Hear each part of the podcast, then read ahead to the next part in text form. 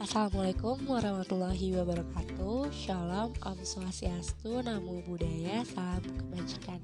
Hai semuanya, halo, apa kabar? Semoga kabarnya selalu baik dan sehat selalu ya. Walaupun kita kedatangan tamu yang gak diundang yaitu COVID-19 Kedatangan pandemi kayak gini dari tahun 2020 ya Kita udah mulai kayak gini.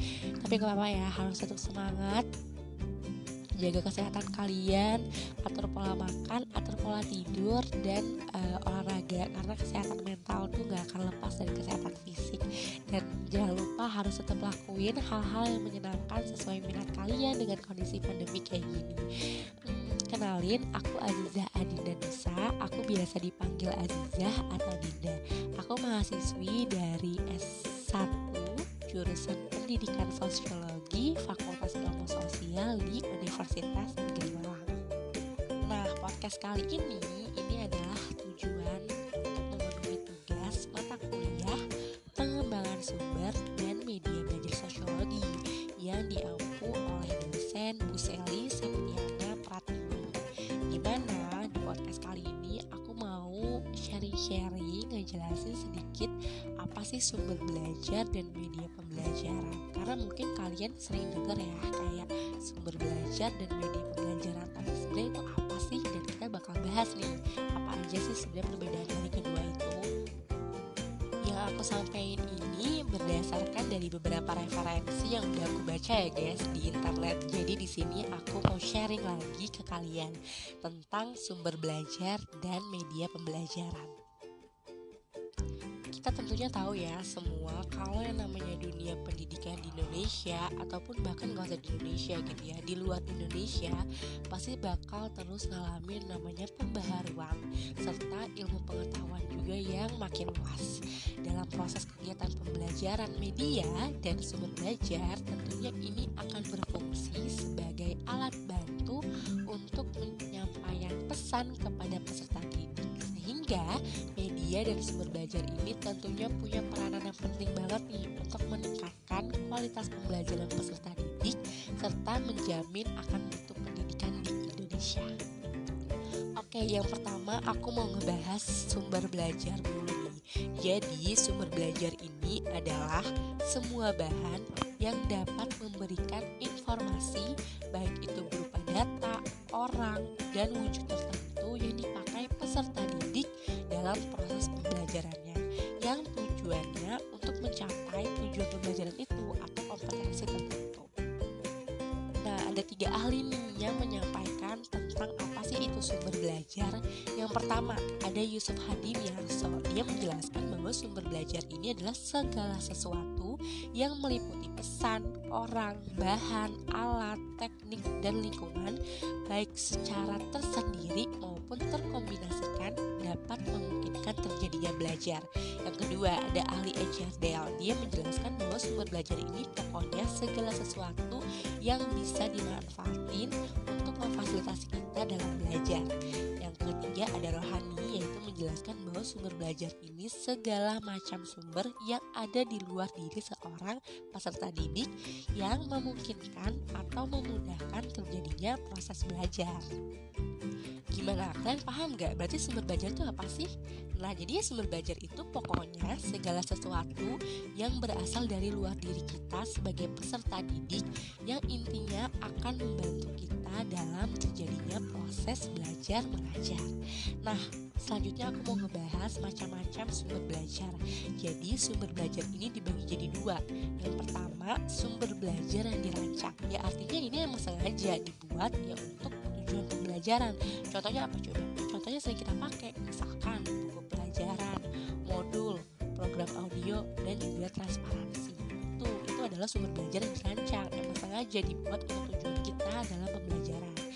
Tapi ada juga sumber belajar yang udah tersedia dan tinggal kita manfaatin aja nih yaitu emang sumber belajar yang tidak secara khusus dirancang untuk keperluan pembelajaran tapi bisa ditemukan, dipilih, dan dimanfaatkan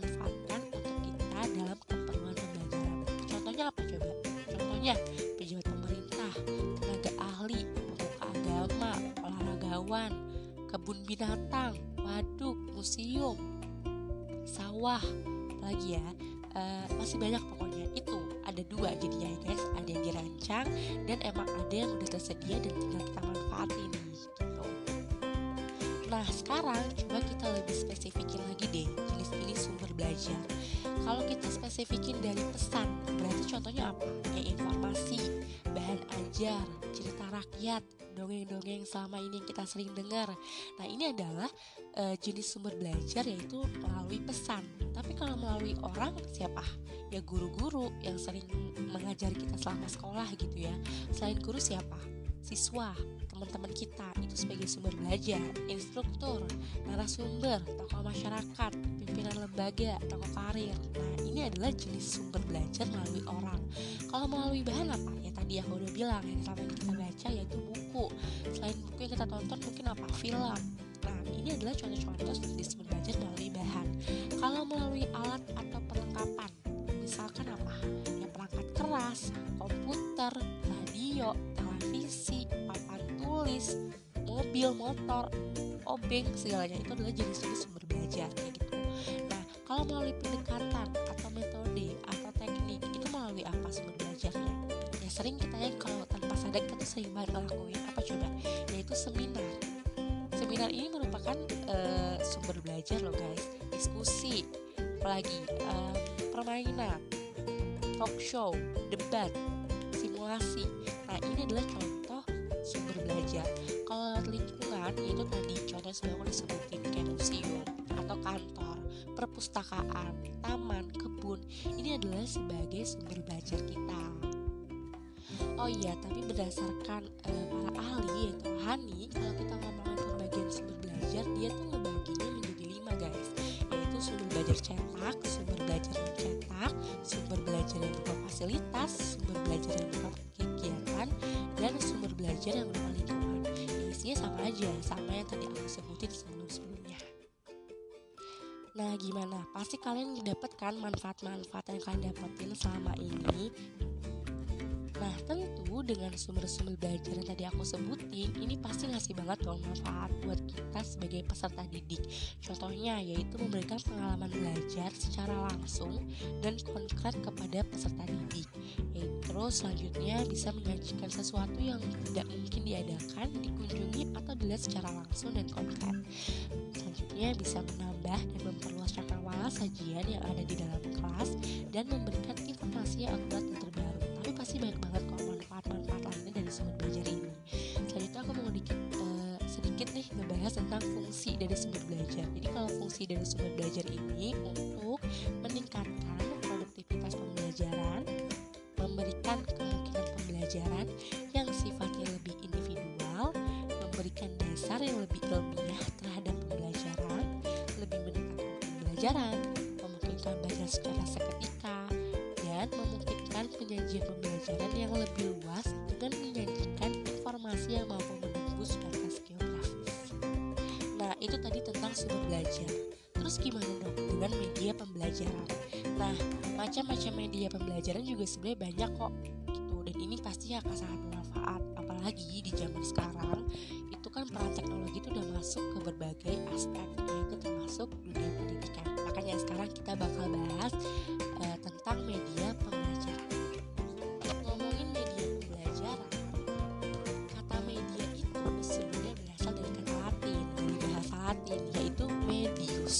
yang berarti tengah, perantara, atau pengantar. Nah, ngomongin media pembelajaran, kalian tahu gak sih kalau media ini berasal dari bahasa Latin, yaitu medius, yang artinya tengah, perantara, atau pengantar. Tapi kalau secara khusus nih, pengertian media dalam proses belajar mengajar ini itu lebih diartikan sebagai alat-alat grafis, fotografis, atau elektronik yang tujuannya untuk menangkap, memproses, dan menyusun kembali informasi visual ataupun verbal. Kata media ini kan sebenarnya kita lebih sering mengenal dengan alat ya, pokoknya ya alat yang nanti bakal nyampein atau e, mengatakan pesan-pesan pengajaran. Sedangkan media pembelajaran ini artinya segala sarana, alat, dan media yang digunakan ketika proses pembelajaran tapi kita bakal e, bahas apa sih e, media pembelajaran menurut ahli yaitu Latuher. Dia menyatakan bahwa media pembelajaran ini berguna untuk menarik minat siswa terhadap materi pembelajaran yang disajikan Hal ini tentunya bakal berguna nih dalam meningkatkan pengertian anak didik terhadap materi yang disajikan. Karena dengan kayak gini, media pembelajaran ini penting banget diterapkan pada saat belajar mengajar untuk meningkatkan semangat belajar para siswa. Nah, selanjutnya aku mau ngebahas apa aja sih sebenarnya macam-macam dalam media pembelajaran. Jadi aku bakal bagi jadi enam, yaitu media audio, media visual, uh, terus media visual ini tuh dibagi menjadi beberapa lagi ada visual diam, visual gerak, media audio visual, audio visual diam, audio visual gerak gitu ya. Jadi banyak nanti aku bakal jelasin dikit satu persatu. Terus ada media serbaneka, gambar fotografi, peta dan juga global. Oke, yang pertama yaitu media audio. Jadi, media pembelajaran audio ini fungsinya untuk menyalurkan pesan audio dari sumber pesan ke penerima pesan. Dan tentunya audio ini sangat-sangat berkaitan erat sama indera pendengaran kita.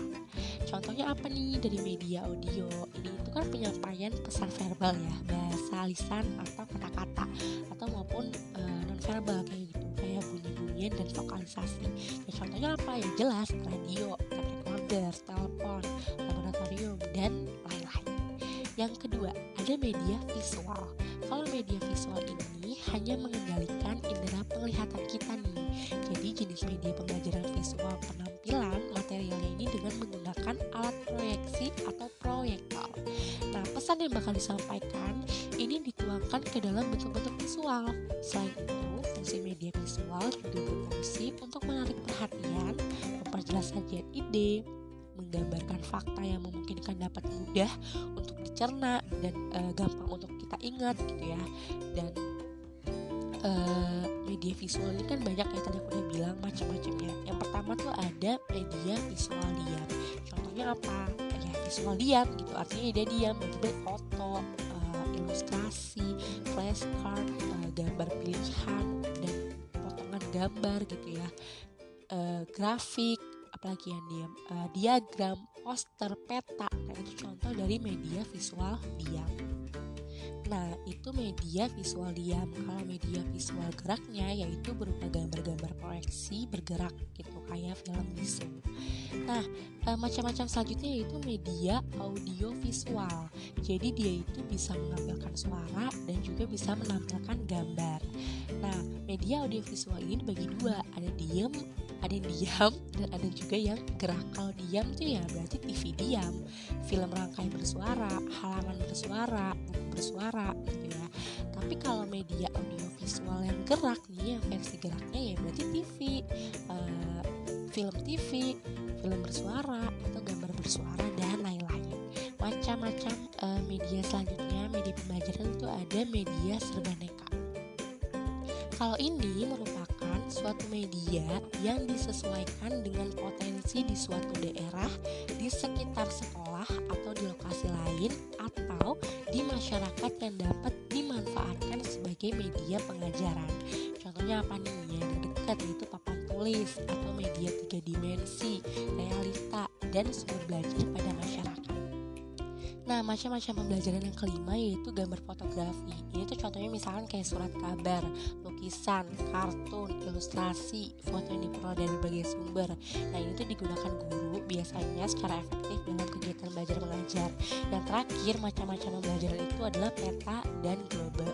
yang ini berfungsi untuk menyajikan data-data lokasi seperti bumi, daratan, sungai, gunung-gunung, dan tempat-tempat serta uh, arah dan jarak. Nah, gak nyangka banget kan, udah hampir 15 menit aku ngomongin tentang sumber belajar dan media pembelajaran.